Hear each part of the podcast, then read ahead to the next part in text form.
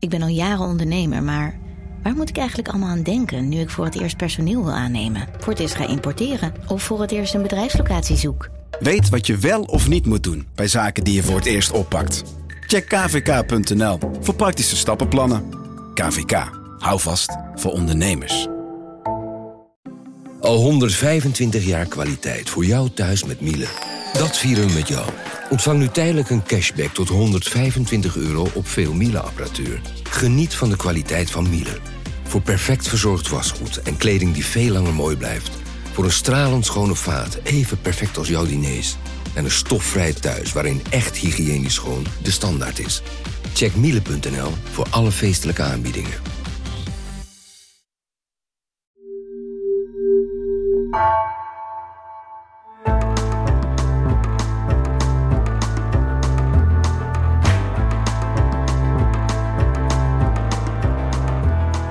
Welkom bij het uur. De patiënt heeft klachten, de dokter lokaliseert het probleem en maakt zo de patiënt beter. Globaal werkt het zo, maar als jonge dokter bleven voor mijn gast dit uur vragen open. Kan de omgeving ook deel zijn van de ziekte? Zijn lichaam en geest wel gescheiden? Is de geneeskunde zelf wel vrij van culturele waarden? Psychiater Glenn Helberg geldt als een pionier en een activist wanneer het gaat om intergenerationeel trauma en heel veel andere thema's. Hij is nu beland in wat hij zelf noemt de vierde levensfase. De fase waarin er tijd is om achterom te kijken. Welkom bij het uur met Glenn Helberg. Glenn Helberg, hartelijk welkom. Dank dat je wilde komen. Ik, ik zei net in de inleiding, uh, de, de, laatste fase is aangebroken. Fase 4 van het leven. De fase waarin iemand terugkijkt. Dat, dat, dat, klinkt bijna alsof je, alsof je dat nu de hele dag aan het doen bent. Alsof, uh, alsof je hele dagen om aan het zien bent. Dat, dat zal ook wel weer meevallen, denk ik. Nou, Goedemiddag. Goedemiddag. Bedankt voor de uitnodiging. Um, het is wel voor mij een dagelijkse gebeurtenis. Terugkijken op het leven? Me realiseren dat uh, het einde in zicht is. Dat ik het grootste deel gehad heb. En uh, ik probeer elke dag te genieten van wat er nog is. En voor mij is dat ook een manier, manier van terugblikken.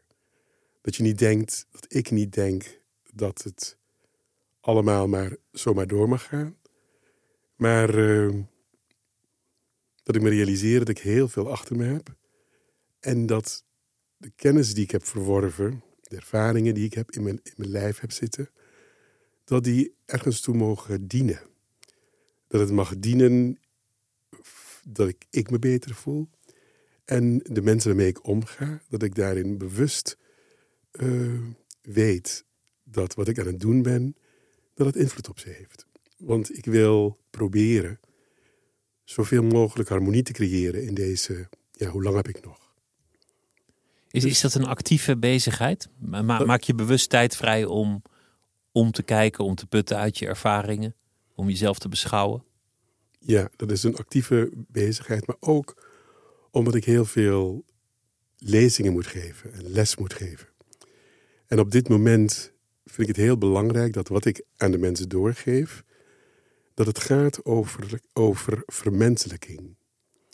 En dat het vak waarin ik heb gezeten, daarin heb ik gezien dat we gedacht hebben dat we bezig waren met gezondheid en, uh, maar ik zag en ik zie dat wij ook bezig kunnen zijn om door het denken wat er gecreëerd is in het westers model, dat we mensen zieker kunnen maken.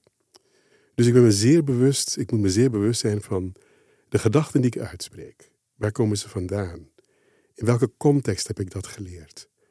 En wat ik nu doe met die ander, is dat werkelijk iets wat gaat bijdragen aan die verbetering van die anderen. Niet omdat ik die ander beter kan maken, maar omdat ik zodanig met die ander omga, dat het vermogen van het lichaam hersteld wordt, zodat die andere weer op een betere manier verder in het leven kan gaan.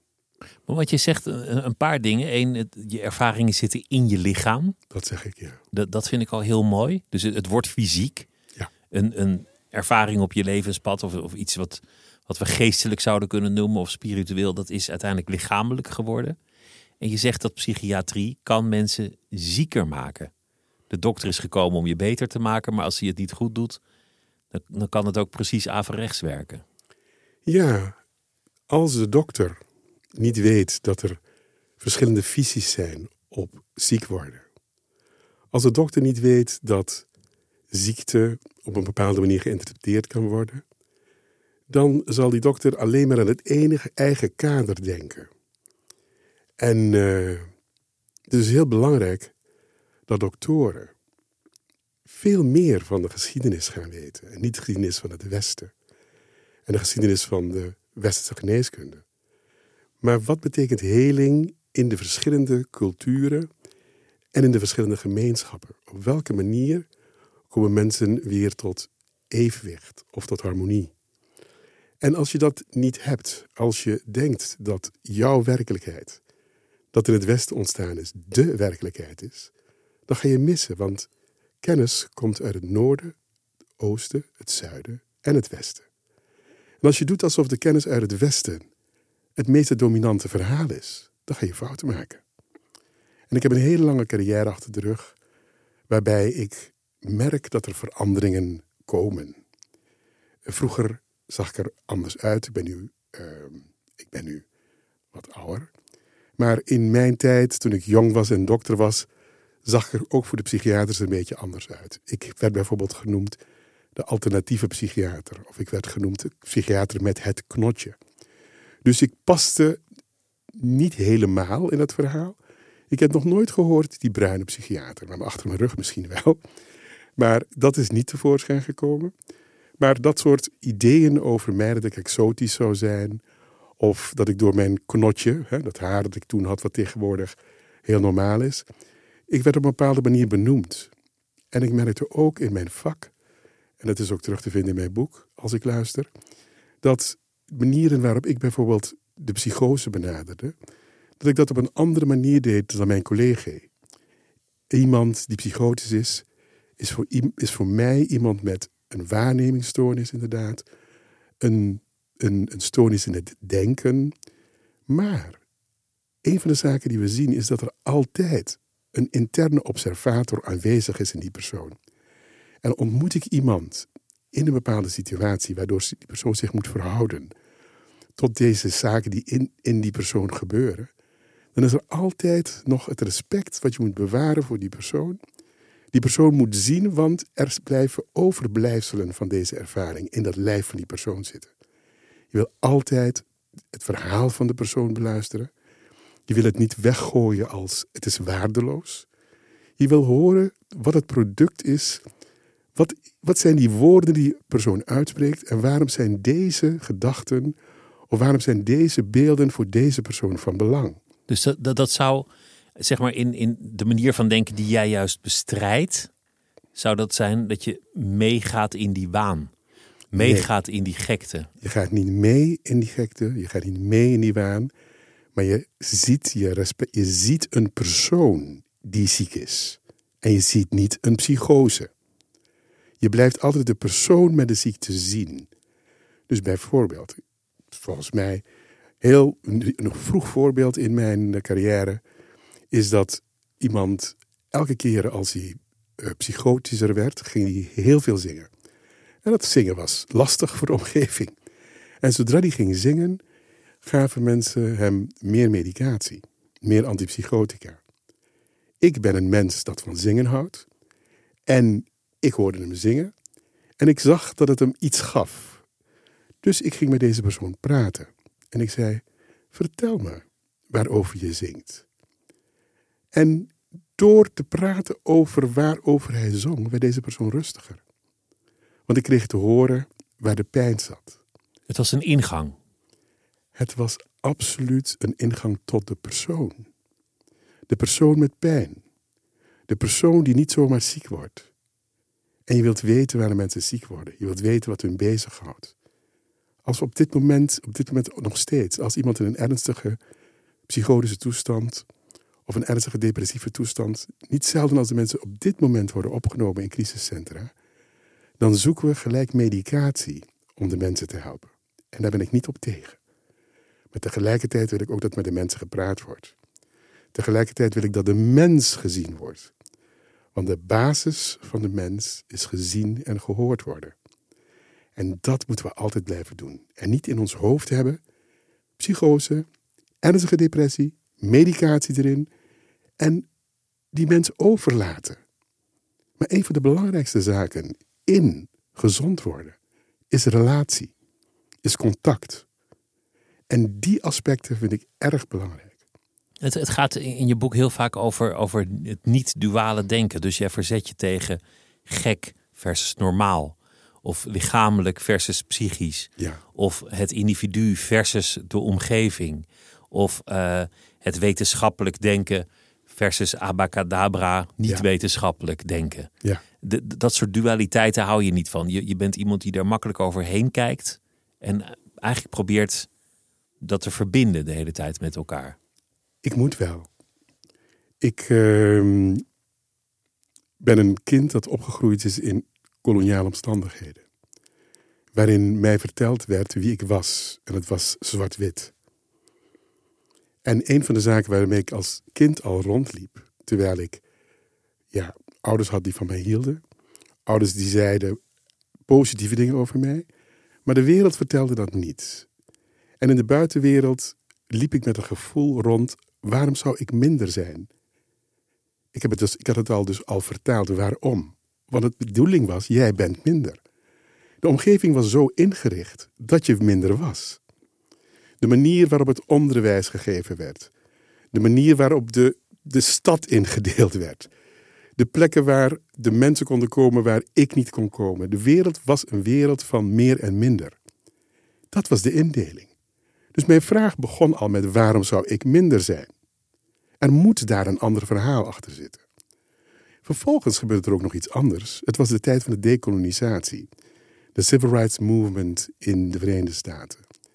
Um, voor mij op het moment dat de, de oorlog, uh, dat Cuba werd, uh, door Amerika werd aangevallen, was voor mij een heel bewust moment.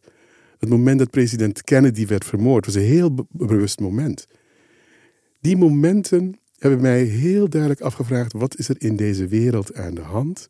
Waardoor het lijkt alsof het allemaal zo gemakkelijk is, alsof je dingen kunt indelen in goed en slecht. In voorlijk en achterlijk. In, in beschaafd en, niet beschaafd. Beschaafd en niet beschaafd. Dus dat waren heel vroeg vragen voor mij. En ik kon ook niet anders dan groot worden. En opeens voelen dat het verhaal over mijn persoon, namelijk man, vrouw, gender, dat dat voor mezelf een vraagstuk werd. Dus wat ik hoorde om me heen en mijn eigen ervaringen zei: dit klopt niet. Het eenvoudige verhaal van zo zit het, zo is het niet. En die complexiteit die er is. Ik zei al, ik ben een koloniaal kind. Wat is er gebeurd? Om te koloniseren moesten de verhalen eenvoudig worden. Moesten mensen in hokjes gaan indelen. Moesten zo zeggen, dit is goed, dat is slecht. Je moet je voorstellen dat ik uit een traditie kom.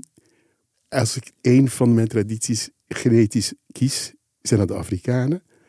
Waarbij het zelfbeschikkingsrecht van de mensen hen is ontnomen. Vervolgens niet alleen hun zelfbeschikkingsrecht, maar ook het recht op hun moraliteit. Het recht op hun godsdienst. Het recht op hun lichaam. Het recht op hun taal. Men vond die tweederde mens dat die mens moest worden door de beschaving. Het betekende dus dat we hele eenvoudige concepten over mensen moesten gaan creëren. Jij bent een heel mens en jij bent maar een tweederde mens. Kun je mij vertellen hoe we dat klaargespeeld hebben? In mijn eenvoudige denken denk ik, ja, er is iets gebeurd in die wereld. Veel meer dan ik kan bevatten. Maar een van de zaken die werden gezegd, is een van de vaders van de filosofie in het Westen. Descartes zei, ik denk, dus ik ben. En waar zijn al die andere onderdelen van de mens gebleven? Descartes durfde dezelfde te zeggen: Ik denk dat ik voel. Terwijl voelen kan, is niet hetzelfde als denken. Voelen is een aparte identiteit. Uh, entiteit in het Hij lichaam. Hij heeft de geest en het lichaam gescheiden met die gedachten. En ook wat de hersenen doen. Want als psychiater, als arts leer je dat er een reptiele brein is, dat er een emotioneel brein is en dat er een cognitief brein is. Dus, dus als jongetje al had jij door dit verhaal over mij, dat ik minder ben, dat ik hierin pas. Tussen man, tussen vrouw, tussen, tussen al die dingen. Dat, dat klopt niet. Daar begon eigenlijk al wat de kiem zou worden voor je latere carrière. Ja, De, de, de rebellie, het, het activisme, als je, als je het zo wil noemen. Ik, ik wil even een hele grote stap met je maken naar, naar het heden. doe maar. Ik merk dat heel veel mensen die, die ik spreek vandaag de dag, heel veel stukken die ik lees en dingen die ik zie, enorm opgewonden zijn en enorm geraakt worden door wat er nu gebeurt in het, in het Midden-Oosten. Ja, En, en dat, dat, dat het voor heel veel mensen raakt aan gevoelens van trauma in hun eigen leven op, een- op een gekke manier. Dat, dat, dat, dat het lichamelijk iets opwekt bij mensen om Ja. puin te zien met lichamen, om terreurdaden te zien, moorden, al dat soort dingen. Ik las in je boek dat jij er als psychiater bent geweest op een zeker ogenblik in de Gazastrook. Absoluut, ja. Wat was dat voor reis? Stichting Kifaya ehm, is een organisatie, kleine organisatie in Nederland, die met een organisatie PMRS, Palestinian, de Medical, Medical Palestinian, Palestinian Medical Relief Society, de PMRS. Zij proberen hier geld te verzamelen om daar PMRS te steunen. En Kifaya heeft dus de gewoonte om dan daar naartoe te gaan, met de mensen te praten. Wat is er nodig? Letterlijk te ervaren wat er gebeurt. Zodat je niet doneert zonder kennis van zaken. En Kifaya heeft heel veel kennis van wat er gebeurt in Palestina. En ze nemen artsen mee, zodat artsen begrip krijgen van de situatie en met de mensen daar in gesprek zijn. Want de mensen zijn geïsoleerd van de wereld. En ik vond het een hele prettige uitnodiging om met de collega daar mee te kunnen doen, ervaringen uit te wisselen. En zij lieten mij zien wat zij deden. En moet je je voorstellen wat mijn ervaring daar was. Ik kom in een gebied aan wat dat ik alleen maar ken vanuit toen ik 17 jaar, 18 jaar oud was en in Nederland kwam, ging iedereen naar de kibbutz. En ik dacht als student, mee, die wilde meedoen met zijn medestudenten, ik ga ook naar de kibbutz. Tot ik op een gegeven moment dacht, wacht even jongen, jij komt net, je bent ook uit het buitenland, want ik was uit Curaçao gekomen. Dus wat ging ik daar, wat ging ik daar doen? Want het idee was, we gaan helpen. Maar de kibbutz betekende dat ik mee zou doen met het bezetten van land dat van andere mensen is afgenomen. Dat realiseerde ik me toen onvoldoende, maar ik heb toen gedacht, ik doe het niet. Ik ben toen, ik ben dus in 2019 ben ik nu als arts naar dat gebied gegaan. En ik merkte wat het betekende als je land je wordt afgenomen. Als je niet meer jezelf mag zijn, als iemand anders bepaalt wie je mag zijn en wat je bewegingsruimte is. Maar ik ging er naartoe alsof ik het voor mij, alsof Gaza iets onbekend zou zijn. Maar ik kwam eraan. En alles herkende ik. Jij voelde herkenning. Wat, wat, wat was dat voor herkenning? Er is een, in eerste instantie begint het met, zoals ik al in het begin zei, het begint met een lichamelijke ervaring. Je komt niet aan in een gebied waarvan je zegt, goh, wat is dit bijzonder? Of nee, je zegt, oh, wacht even, dit herken ik. De manier waarop er naar mijn lichaam gekeken wordt door de Israëli's. Dat op die manier wordt er ook gekeken naar het lichaam van die Palest door de van de Palestijnen. Dat is wat ik herken. Als je daar aankomt en je, je bent ommuurd, dan kom je aan. Het verschil tussen mij op Curaçao is dat wij vrij mochten reizen. Maar er waren gebieden waar wij niet mochten komen, omdat wij onvoldoende mens zouden zijn, of wij zouden gevaarlijk zijn, of we zouden crimineel zijn, of we zouden welk woord er dan ook, waardoor die witte mens beschermd moest worden. En, en tegen mij. Of ik kwam in het gebied aan waar ik bepaalde armoede zag. En die armoede was voor mij totaal herkenbaar met wat er, ik op Curaçao kende. En überhaupt die omgeving, de, de, die droogte die daar heerst. Ik kwam daar aan en er was ook iets anders aan de hand. Er was tegelijkertijd, terwijl de mensen zo aan het lijden waren, zag ik een hartelijkheid die ik bij elkaar kon brengen. Voor mij was het een feest van herkenning. En weet je, ik ben daar in een ziekenhuis terechtgekomen. En dat bedoel ik dus met die relatie. Ik ben niet gezond en ook daar kwam ik in het ziekenhuis terecht. En ik werd op een kamer gelegd. Dus ik, als ik in Nederland opgenomen zou zijn, zou ik op die kamer liggen in mijn eentje. Weet je dat de collega altijd drie of vier mensen in de ruimte hadden, want de kamer was zo ingericht dat er een zitje is voor de mensen. En ik was nooit alleen, maar ik had wel mijn autonomie. Want de mensen hielden zich bezig, bijvoorbeeld met hun gebed of met iets anders. Maar ik was niet alleen. En ik voelde dat ik gedragen werd. En voor mij is dat datgene wat je moet doen als mensen ziek zijn: de relatie belangrijk vinden. Mensen niet alleen laten. In het ziekenhuis hier in Nederland ben ik ook opgenomen geweest vanwege niertransplantatie. De mensen die mij wilden steunen werden weggestuurd, omdat in Nederland als mensen je bezoeken en het meer dan twee zijn, is dat te veel.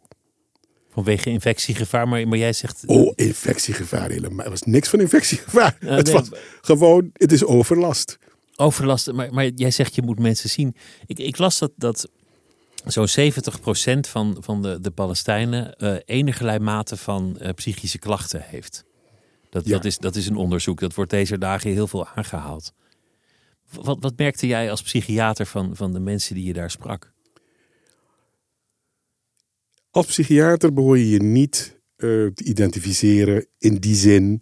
Je moet afstand houden ten opzichte van de mensen die je onderzoekt. Maar ik kan je zeggen dat het verhaal van de mensen indringend is. De jongeren hebben mij gevraagd, want ik, op, een gegeven moment zei ik, ik ben nu hier. Wat kan ik doen? Toen zeiden die jongeren, want ik heb veel jongeren gezien. Toen zeiden die jongeren, vertel ons verhaal. Laat de wereld weten wat er gebeurt. En ik heb bij één jongen gezeten en die vertelde het transgenerationele verhaal. Die vertelde mij wat er met zijn grootouders is gebeurd. Die vertelde me wat met zijn vader is gebeurd. En hij lag nu, zijn knie was opengeschoten. En ik heb van die, dat, dat, dat, dat, dat, die munitie die binnenkomt en verbrijzelt van binnen. Hij lag daar en hij vertelde mij wat het betekende dat hij in de lijn van pijn stond. In de lijn van het verhaal dat je niet meer van jezelf mag zijn. En hoe traumatisch dat is geweest. En nu was hij als oudste zoon. Wat had hij gedaan? Hij was aan de vrijdagmars geweest. Dat is alles. Aan de zijkant staan en protesterend. Kan je je voorstellen dat je protesteert en dat je terugkomt en dat je hele leven verder niet meer mogelijk is, want je verbrijzelt de knie? En ik hoorde toen van die jongeren wij als jongere generatie worden uitgeschakeld. Het, is, het lijkt alsof er een systeem is dat ervoor zorgt dat wij als jongeren, wij die de volgende generatie zijn, om deze samenleving te dragen, dat wij gewoon uitgeschakeld worden. Wat betekent dat voor de psyche? Als er een trauma is en dat trauma wordt alleen maar doorgegeven. Hoe willen we dat je gezond blijft? Als je weet hoe het witlichaam werkt, dat traumatische gebeurtenissen verwerkt moeten worden. Om weer vervolgens, daar hebben we mechanismen voor, bijvoorbeeld de droom. In, als, we, als, we, als we slapen en als je droomt, dan is dat een manier om die, die dingen die er aan de hand zijn te verwerken. Maar als het zo overweldigend is, is het een onderdeel geworden van je persoon. En dan krijg je kinderen. En dat geef je ook weer door. Dus we geven al deze ervaringen, en daarom zeg ik het zit in het lijf. Je kunt trauma's niet wegdenken. Er moet een plek zijn waarin je trauma draagt. Waar anders is het dan in dat geheel waarmee we rondlopen. En wat zeg ik tegen mijn kind? Hoe voelt mijn kind? Hoe ik me voel? Er is zo'n nauwe band tussen de ene persoon en de andere persoon. En vooral als je uit zo'n persoon komt. Die transgenerationele overdracht, hoe kunnen we verwachten dat er geen psychisch leed hieruit ontstaat en lichamelijk leed en een ongezonde samenleving? Maar de, de, de andere kant, als dat zo is, ik bedoel, tweederangs burger zijn, daar kunnen de Joden ook over meepraten, wereldwijd. Een, een geschiedenis van duizenden jaren. Israël is voortgekomen uit een gruwelijk trauma van, van de Holocaust, de staat Israël. Dus, dus daar is dat trauma ook doorgegeven. Absoluut. het, er zit trauma aan twee kanten. En, en wat het merkwaardige dan is, is dat trauma er niet voor zorgt dat je empathischer wordt naar iemand anders. Maar dat betekent dat je onvoldoende in staat bent geweest om het trauma dat jij hebt te verwerken. Dus we moeten ook kijken naar het trauma van die Israëliërs. Waar hun vermogen. Ik zeg eigenlijk even Israëliërs. En ik vind het heel moeilijk. Kijk, als we nu praten over de, de Joden. Dan. Ik ben zelf qua genetica ook Joods. Want ik kom uit een koloniaal gebied. waarin mijn voorvaderen Joden waren. Het is vaak. nemen we dat niet mee. In het koloniale verhaal. Maar de slavenhouders waren dus ook Joden. En ik ben dus een kind uit die traditie. In mijn genen vind je families terug. Mijn familie is dus ook Joods en ik kan nu in Nederland mensen aantonen met dezelfde naam die in mijn stamboom voorkomt. Dus het gaat, ik identificeer mij eigenlijk ook met mijn voorvaderen die Joods zijn. Alleen betekent het als je niet uit de moederlijn stamt, dan ben je geen Jood. Maar die man die mijn voormoeders heeft bevrucht, of die mannen die mijn voormoeders hebben bevrucht, dat zijn wel Joodse mensen. Dat is één. Ik kan nooit in mijn loyaliteit naar mijn genen, kan ik tegen mijn eigen genen zijn. Maar ik kan wel zien wie er in mijn geschiedenis in een meer geprivilegieerde situatie terechtgekomen is en welke niet. En daarbij speelt dat ik weet dat er trauma heeft plaatsgevonden.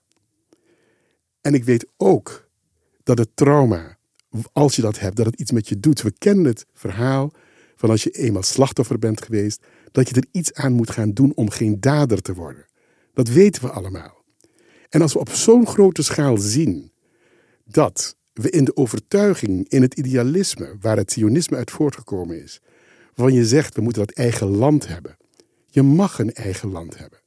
Maar in dat eigen land betekent het dan dat de ander niet mag bestaan? Betekent het dan dat je dat stuk land dat er is, dat je alle mensen die niet Joods zijn eruit moet verdrijven?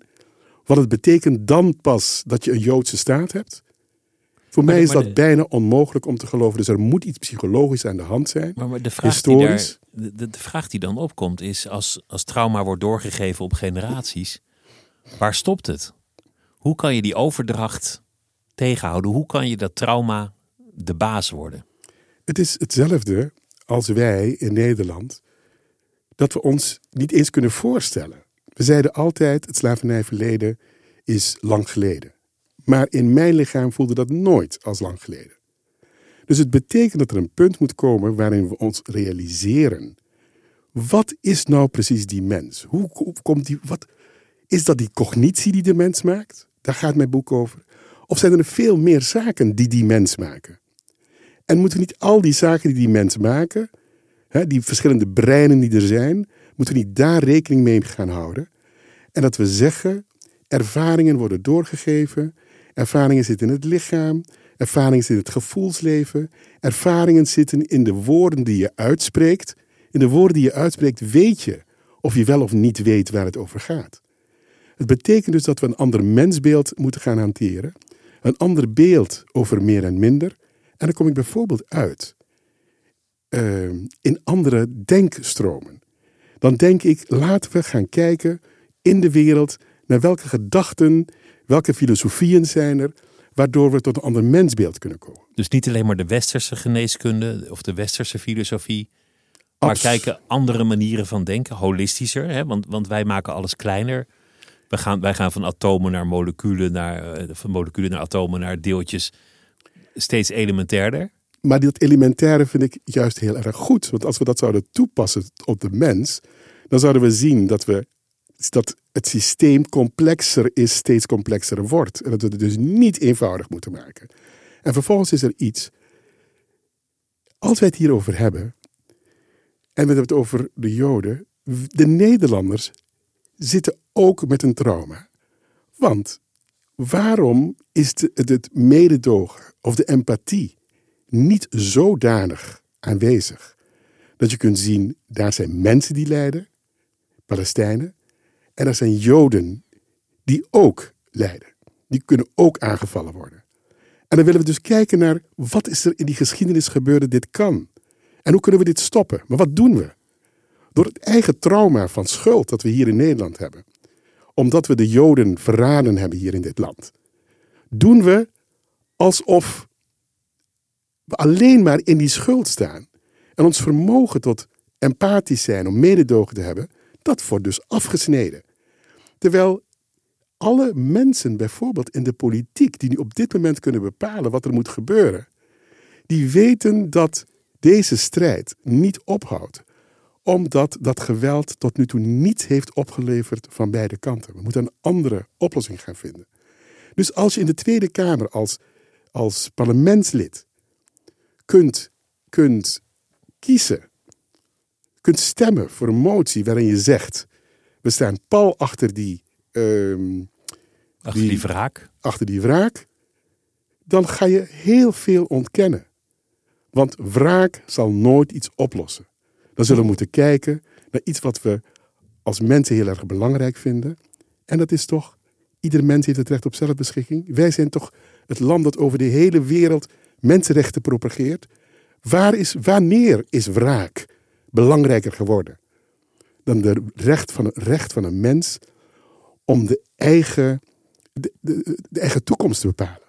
Wat, wat zou je. Veel mensen ervaren machteloosheid. Die, die, die zien leed en weten dat ze niks kunnen doen. Dat dit veel groter is dan henzelf. Dat ja, je kan een motie sturen of, of een petitie of je kan, je kan van alles. Maar de machteloosheid blijft onderaan de streep. De- daarom hebben de jongeren gezegd: vertel ons verhaal. Omdat de jongeren willen dat de mensen hun vermogen om werkelijk menselijk te zijn aan te wenden. Dus als iemand het ziet, als iemand het hoort, dan heb je die menselijkheid hersteld. Als je, als je het hoort en ziet en niet wegstopt en niet in één kader plaatst. Want als wij nu massaal als bevolking zouden zeggen: er is een fout gemaakt, een grote fout in die Tweede Wereldoorlog. De reden van die Tweede Wereldoorlog was racisme. Dat is toch de kern ervan geweest. Waarom zien wij niet nu op dit moment racisme, wat, dat, een, dat een onderdeel is van onze machtsstructuren, om mensen te verdelen in meer en minder, waardoor oorlogen kunnen ontstaan? Waarom kunnen we nu niet tegelijkertijd zien, we zijn in dit land bezig. We zijn bezig onze eigen geschiedenis, namelijk onze slavernijgeschiedenis, onder ogen te zien, waar we hetzelfde gedaan hebben, dat koloniale systeem hebben geïnstalleerd, bezet hebben. En waarvan we toen zeiden, dit is lang geleden. Waarvan eh, nu de regering en de koning zeggen, we zijn fout geweest. Dan moet je dus gaan leren, niet alleen maar dat stukje van de geschiedenis te begrijpen. Maar dan moet je werkelijk gaan begrijpen, dit koloniale systeem is een systeem dat continu weer tevoorschijn komt. En dan komt er iets heel belangrijks. Als het gaat over wat zit er in je. Als we kijken naar wat het koloniale systeem inhoudt, dan moet je bedenken dat op wereldniveau het zwarte lichaam hij niet heeft gekoloniseerd. Dus als het gaat over transgenerationele overdracht, moeten we kijken, wat zit er in het witte lichaam? Dat het witte lichaam altijd weer opnieuw wilt koloniseren. En wilt bezetten. Wilt vertellen dat die andere niet goed is. Wil vertellen dat de andere ergens niet thuis hoort. Wat is dat? Het is heel belangrijk dat je als, als, als groep je afvraagt: wat is in ons denken, wat is in onze filosofie? Als ik bijvoorbeeld kijk naar het verhaal tijdens corona en ik denk aan het verhaal van Ubuntu. Ubuntu, in de Ubuntu-filosofie gaat het over de relatie en de mens eerst. Ik ben vanwege jou. Maar in het wij-denken is die relatie belangrijk. Maar in het ik-denken is het product belangrijk. Het product dat uiteindelijk moet gaan leiden tot winst. En we hebben dus nu een samenleving gecreëerd dat we kapitalistisch noemen. De kerken hebben daaraan bijgedragen om, om al die kapitalistische instituten te laten zijn. En heel belangrijk is de wapenindustrie. Die wapenindustrie heeft vanaf het begin meegewerkt om die kolonisatie te bewerkstelligen. Als we kijken naar die ontwikkeling, die overdracht, dan zien we dat we nu de meest geavanceerde wapens in de wereld hebben. Maar welke mensen maken dat? Met welk doel en waarom? Wat is hun mensbeeld? Als ik kijk naar het klimaat waar we naartoe moeten gaan. Als we over het product gaan, zien we dat we de wereld kapot maken.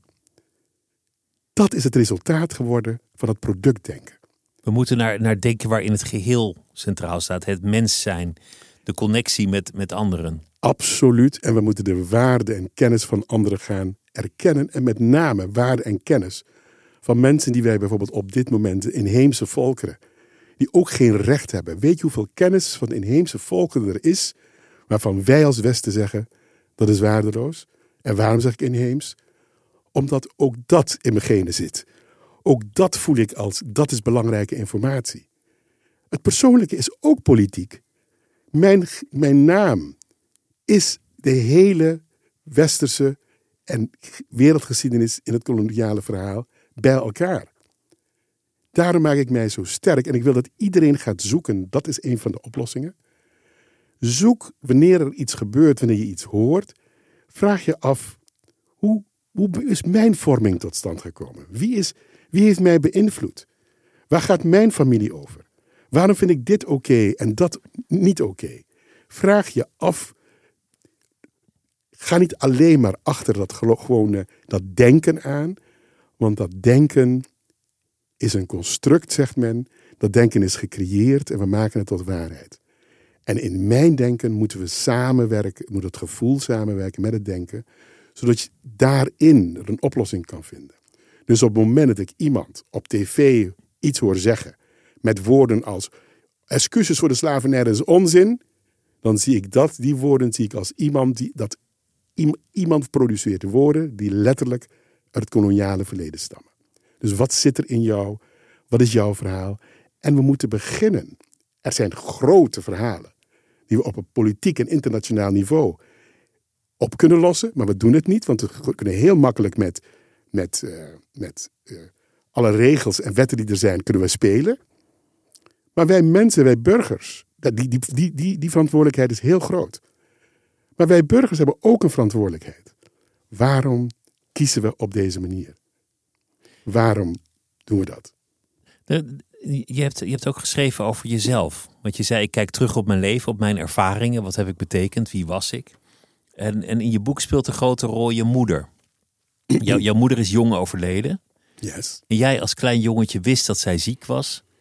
En, en je wilde het goede doen voor je moeder. Je moest goed leren, je moest een goede leerling zijn om jouw moeder ter pijn te verzachten. Daar kwam het eigenlijk op neer. De pijn te verzachten en in ieder geval niet meer te maken. Om je moeder geen leed toe te brengen. Want je, moeder, je moeder die was kwetsbaar. Dus jij dacht, laat ik nou maar mijn best doen. Al heel jong was dat. Ja, dat is heel jong. Maar en je vraag? Is, is dat iets wat nog steeds doorwerkt in je leven? Want, want, je, want je, hebt, je hebt je hele leven gericht op studie. Je bent arts geworden, psychiater geworden. Ehm, ja, allemaal toch ook, ook van het hoofd. Is, is dat eigenlijk de weg die je bent ingeslagen vanwege je moeder? Nou, mijn psychiatrie is dus niet het hoofd geworden. Hè? Het gevoel ook. Hoe, hoe kan dat? Omdat ik juist in die omgeving ben groot geworden. Want ik ben niet alleen maar opgevoed door die. die ben, ik heb niet alleen maar psychiatrie geleerd van mijn, van mijn, mijn, mijn leraar, mijn hoogleraren. Maar mijn psychiatrie begon al thuis. De verschillende manieren van denken. Omdat wij Chinese afkomst hebben, Afrikaanse afkomst hebben, Europese afkomst hebben. Ehm, ik heb gemerkt Turkse afkomst hebben. Um, Joodse afkomst hebben. Omdat er zoveel is. Mijn vader vond het heel leuk om mij de antropologie uh, op mijn lichaam uit te leggen. Dus de verschillende gedachten kwamen binnen. Ook de verschillende gedachten over genezing. En de, de cultuur van de zwarte mens. Die ondanks alles is overgebleven is om de voorouders te blijven eren. Om te weten dat we energetische lichamen zijn. En die energetische lichamen die wij zijn, ook met andere energetische lichamen in contact zouden kunnen komen. En die andere energetische lichamen, die noemen we geesten. Maar ik ben dus als kind opgegroeid in een traditie van dat die geesten er zijn. En mijn moeder was totaal in verwarring, eigenlijk. Want mijn moeder ging van kerk tot kerk om maar de waarheid te ontdekken, terwijl ze die andere waarheid ook in zichzelf had. En ik zag die zoektocht van mijn moeder. Maar ik zag ook de liefde van mijn moeder voor de kinderen die ze les gaf. Ik zag dat, dat, dat het meest standvastige was. De kinderen zien, naar de kinderen luisteren. Dat waren voor mij hele belangrijke zaken. Dus die ingrediënten Van als je met kinderen werkt, dan moet je ze zien, moet je van ze houden. Als je nadenkt over hoe je met mensen omgaat, moet het gaan over de verschillende manieren van zijn. Mijn moeder vertelde thuis over de rijke kindjes en de minder rijke kindjes of de arme kindjes die op haar verjaardag wel ook proberen cadeautjes te brengen. Zien dat mensen altijd vanuit datgene wat ze hebben proberen iets te doen. Dat was voor mij een rijkdom aan informatie dat zich in mijn lichaam heeft opgestapeld. En dan ben je opeens die persoon. Was het ook verstikkend om, om, om, de, om je best te doen voor je moeder die, die, die behoeftig was? De, het verstikkende was zeker aanwezig, daar schrijf ik ook over. En daarom eindigt mijn boek ook op een manier dat je opgevoed wordt en daarna heb je de opdracht om je te verhouden tot die opvoeding, te kijken wat is van mij en wat is van die ander en steeds meer jezelf te worden, want dat is wat ik, wat ik, dat is eigenlijk de bedoeling geweest. Hoe word ik steeds meer mezelf? Dat is de grote opdracht uiteindelijk. Wordt dat unieke exemplaar jezelf? En dat, dat is dus die weg die we kunnen bewandelen. En dat is een moeilijke weg, omdat die wereld je altijd wil vertellen wie je bent. Maar tegelijkertijd is het de weg, kan ik binnen de relatie met die anderen mijn autonomie behouden. Jezelf worden in die menselijke relatie. Dat is dus voor mij altijd belangrijk geweest. Dus die, die verstikkende liefde die mijn moeder had, dat was. Zij kan ook niet anders. Ik heb ook begrepen waarom zij het zo gedaan heeft. Het kan niet zo zijn wanneer ik snap dat mijn moeder op een bepaalde manier geleefd heeft en dat ik voor haar op dat moment belangrijk ben, dat ik niet ga begrijpen wat die moeder gedaan heeft, omdat ze in een bepaalde situatie groot geworden is, en dat ik haar dat zou, hoe zeg je dat, ehm, dat ik haar het nog steeds uh, kwalijk zou nemen. Ik heb nu de taak om te snappen wat zij heeft meegemaakt, en ik heb de taak om te weten wat ik heb meegemaakt. Maar er was ook een belangrijke ander in mijn leven. En die belangrijke ander was mijn vader.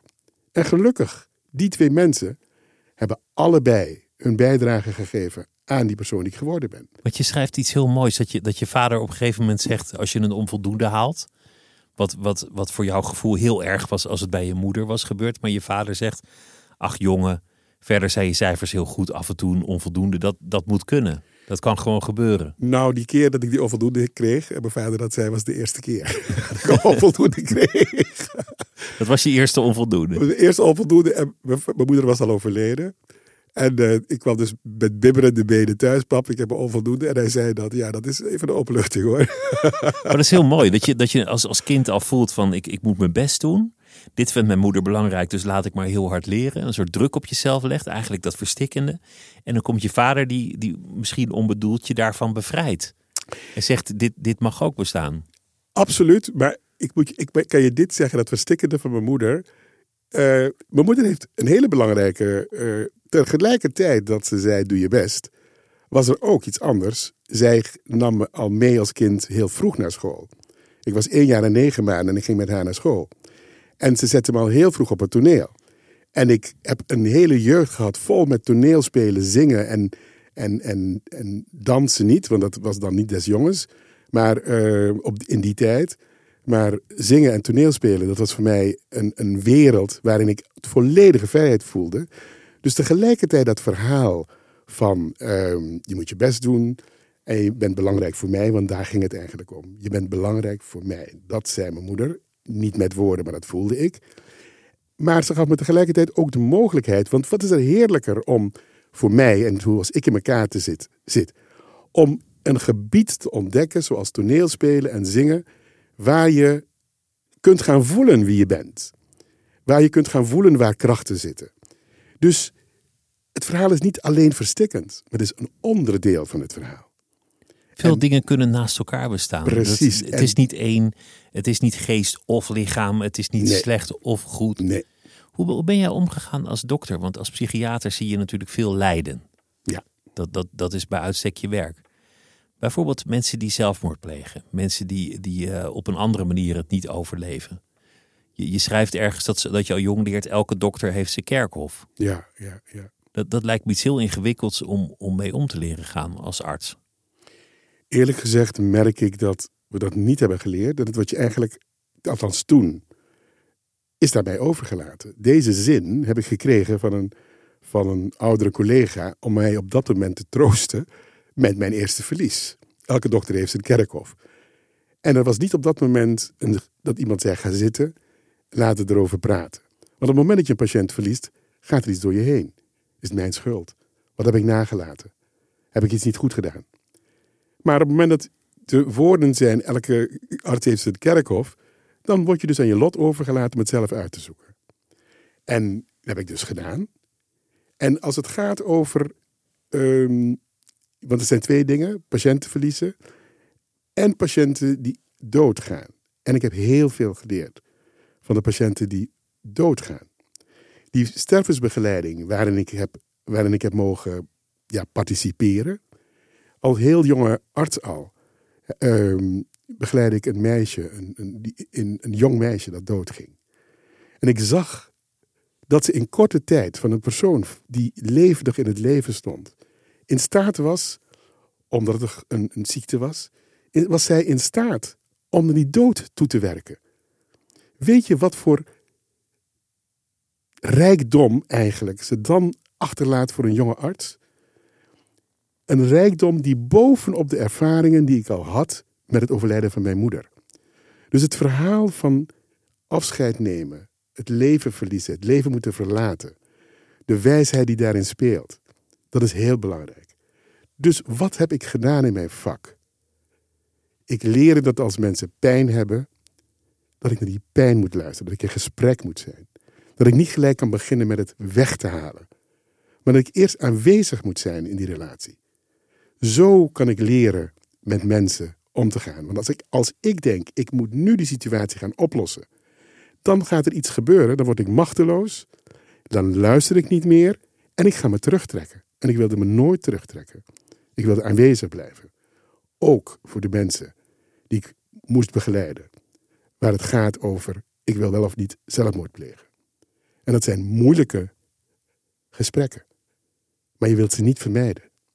Je wil aanwezig blijven. Als er moeilijke dingen zijn, als er machteloosheid is, wil je niet terugtrekken, maar je wil blijven luisteren en je wil de verhalen horen. Je wil weten waar het over gaat.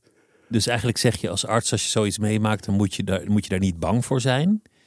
Je moet er niet boven gaan staan, je moet, je moet het juist ervaren. Wat veel artsen bij uitstek niet zouden doen. Je, je moet je wel engageren, je moet wel dat gevoel toelaten. Je, precies. Want een van de zaken die je als arts leert, is dissociëren. Want er is zoveel leed, dus wat moet je doen? Je moet in principe het leed zien, je moet het objectiveren en je moet er niks bij voelen. En je wilt juist leren om het te zien, de mensen te helpen, te voelen en tegelijkertijd aanwezig te blijven, want je hebt iets waarmee je die persoon kunt bijstaan. En datgene wat, wat het meest belangrijke is, die medicijnen die zijn fantastisch. Maar als een dokter niet in staat is om naar de patiënt te luisteren en in het contact met de patiënt de stress te reduceren, dan wordt je werk veel moeilijker. Dan wordt je werk veel langer. Dan merk je dat de patiënten de medicijnen soms niet eens nemen, want ze geloven er niet in. Dus het is omdat jij als arts dat medicament hebt gegeven aan hun zonder jouw engagement. Je denkt dat het medicijn het wel gaat doen. Nee, jij doet het. Dus je moet gevoelsmatig een relatie aangaan met, met, met die patiënt. Dat betekent ook dat je veel rouw zult hebben gehad in je leven, veel verdriet. Er is rouw en er is verdriet geweest, inderdaad. Maar niet alleen als er grote dingen gebeuren. Ook met de kleine dingen die niet goed gaan. Elke keer weer opnieuw als je ziet dat het nog niet goed gaat met iemand. Dat doet iets met je.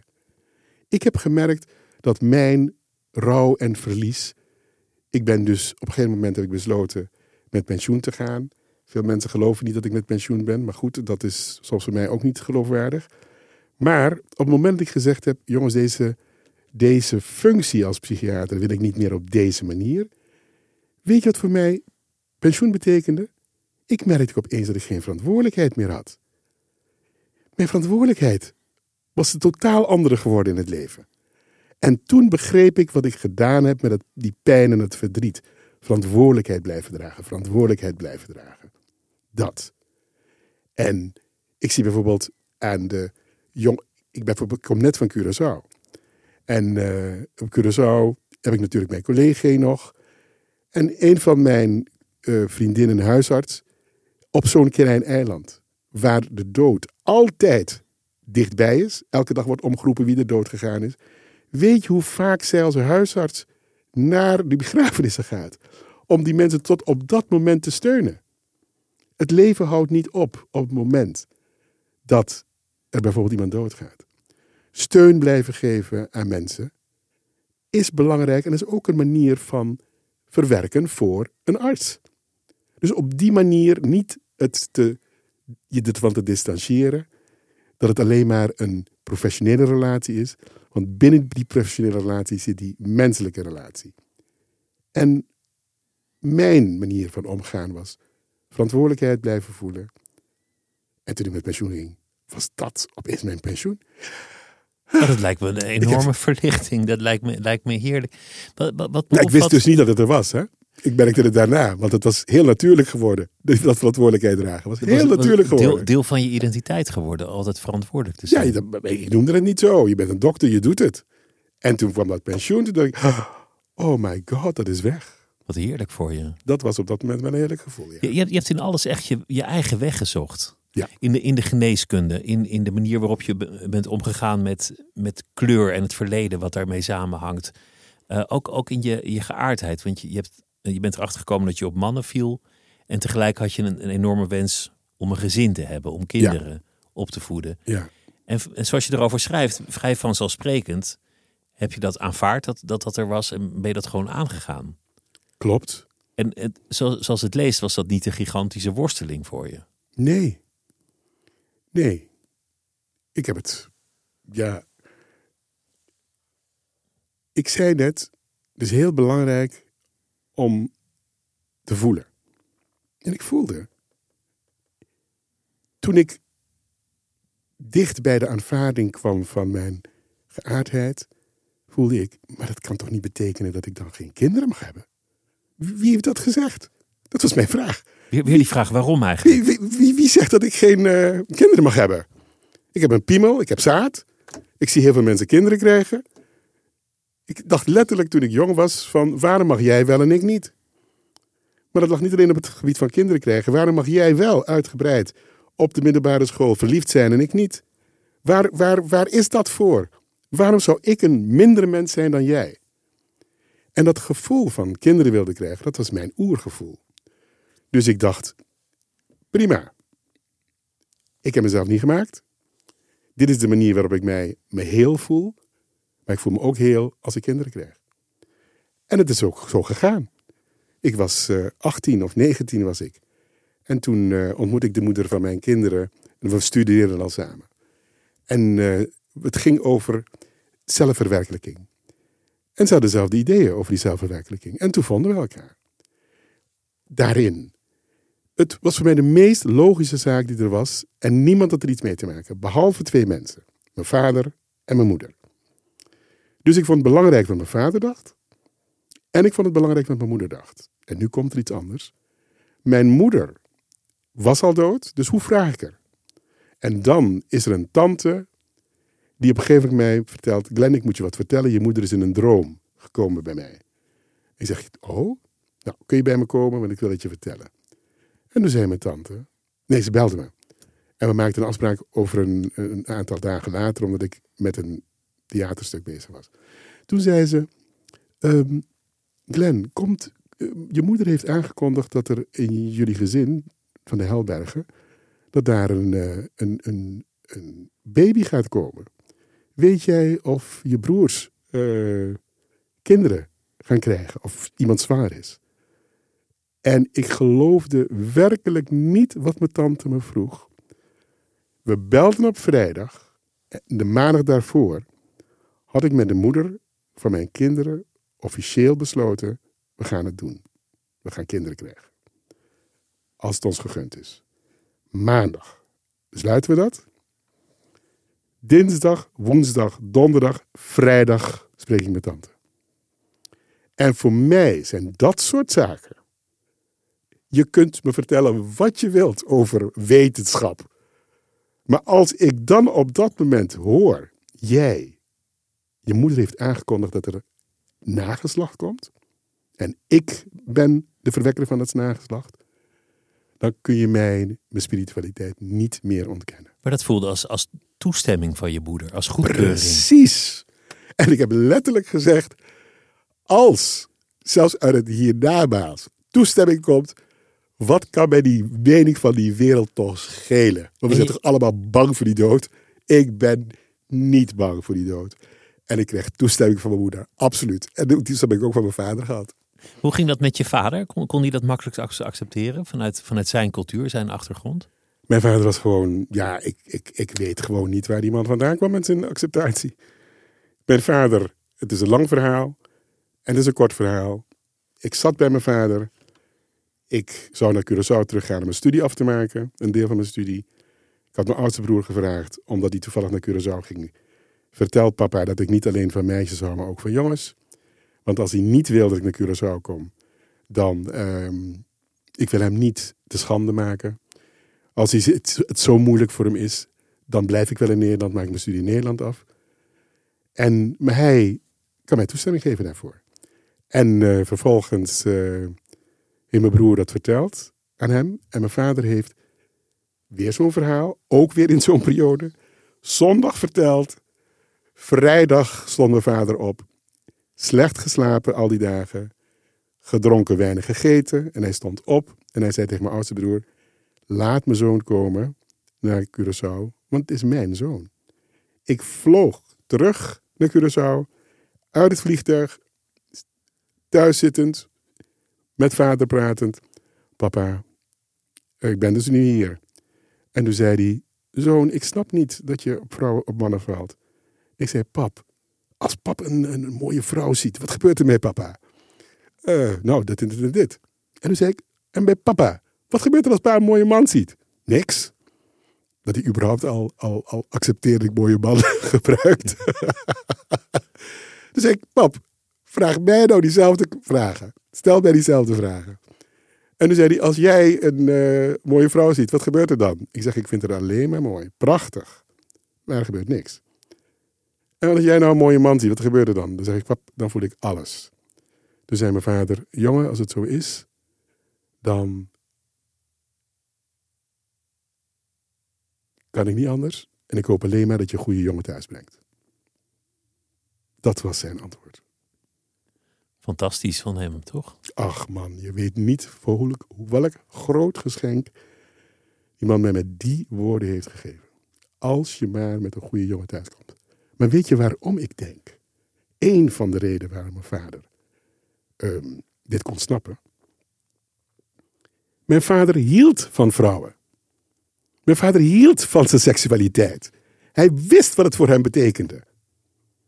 En mijn vader wilde niet dat mijn seksualiteit ontkend zou worden.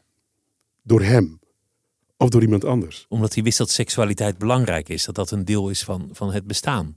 Omdat het een ongelooflijk belangrijk deel is van het bestaan, waar hij van genoot. Waar hij zich niet voor schaamde. Hij was heel met zijn seksualiteit.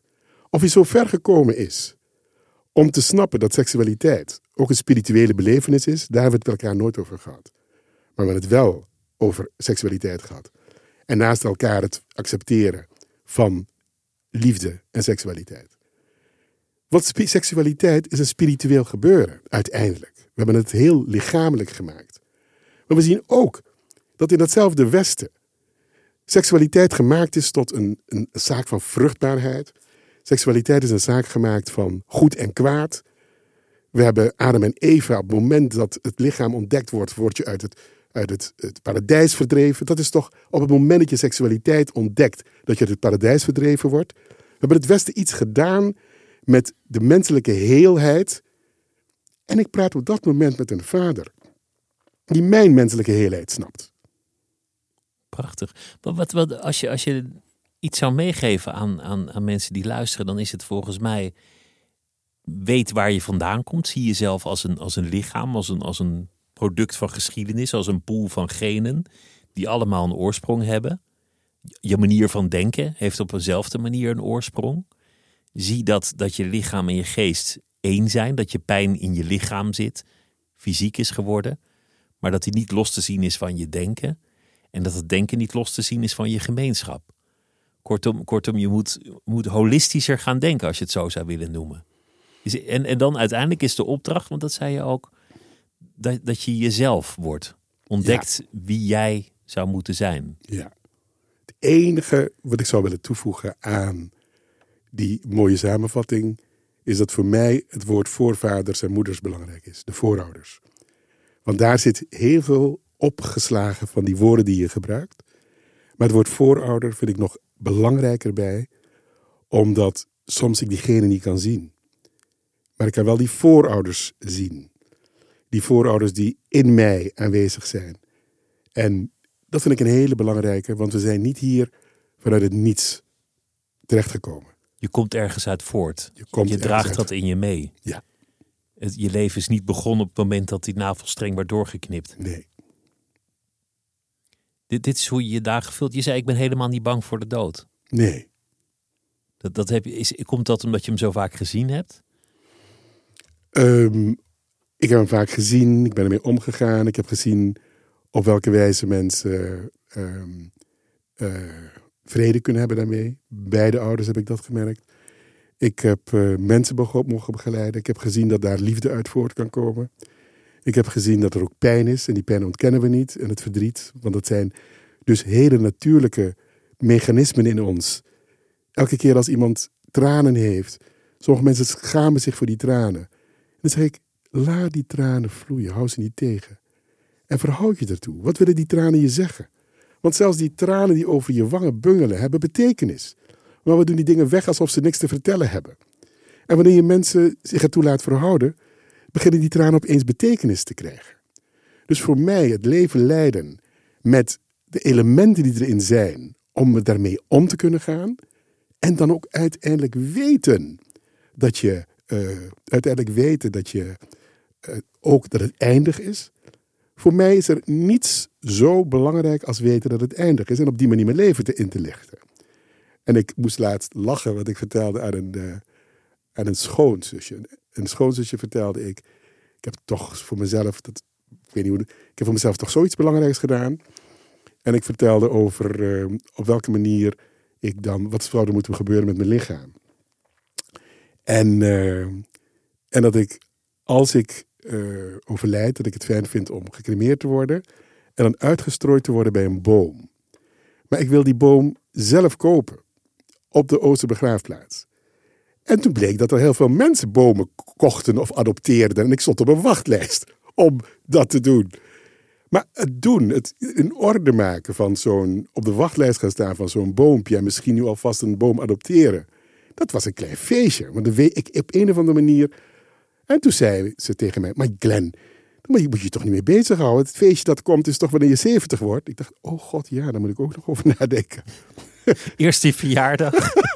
en dan 75 en dan 80 en dan, dat, dat dan vond, een keer een boompje. Dat vond zij. Maar ik dacht, mijn boompje moet er gewoon zijn. Ik weet niet wanneer het afgelopen is. Maar dat zie je als een feestje. Dat vind ik wel heel mooi. De 70 eerst vieren, dan de 75, dan de 80, dan de 100 mag ook. En dan, en dan het, het boompje. Dank je wel dat je, dat je langs wilde komen. Het was, het was een enorm genoegen om met je te praten. Dank, dank je wel daarvoor. Nou, alsjeblieft. Dank je wel. En dat was het uur. Volgende week is er weer een uh, aflevering van het uur. Het uur wordt gemaakt door Mira C., handelaar productie en techniek Claire van der Bouwde. Mijn naam is Pieter van der Wielen.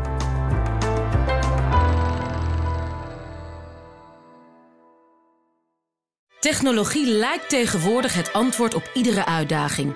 Bij PwC zien we dit anders. Als we de potentie van technologie willen benutten, kunnen we niet zonder een menselijk perspectief. Human-led, tech-powered noemen we dat. Ga naar pwc.nl.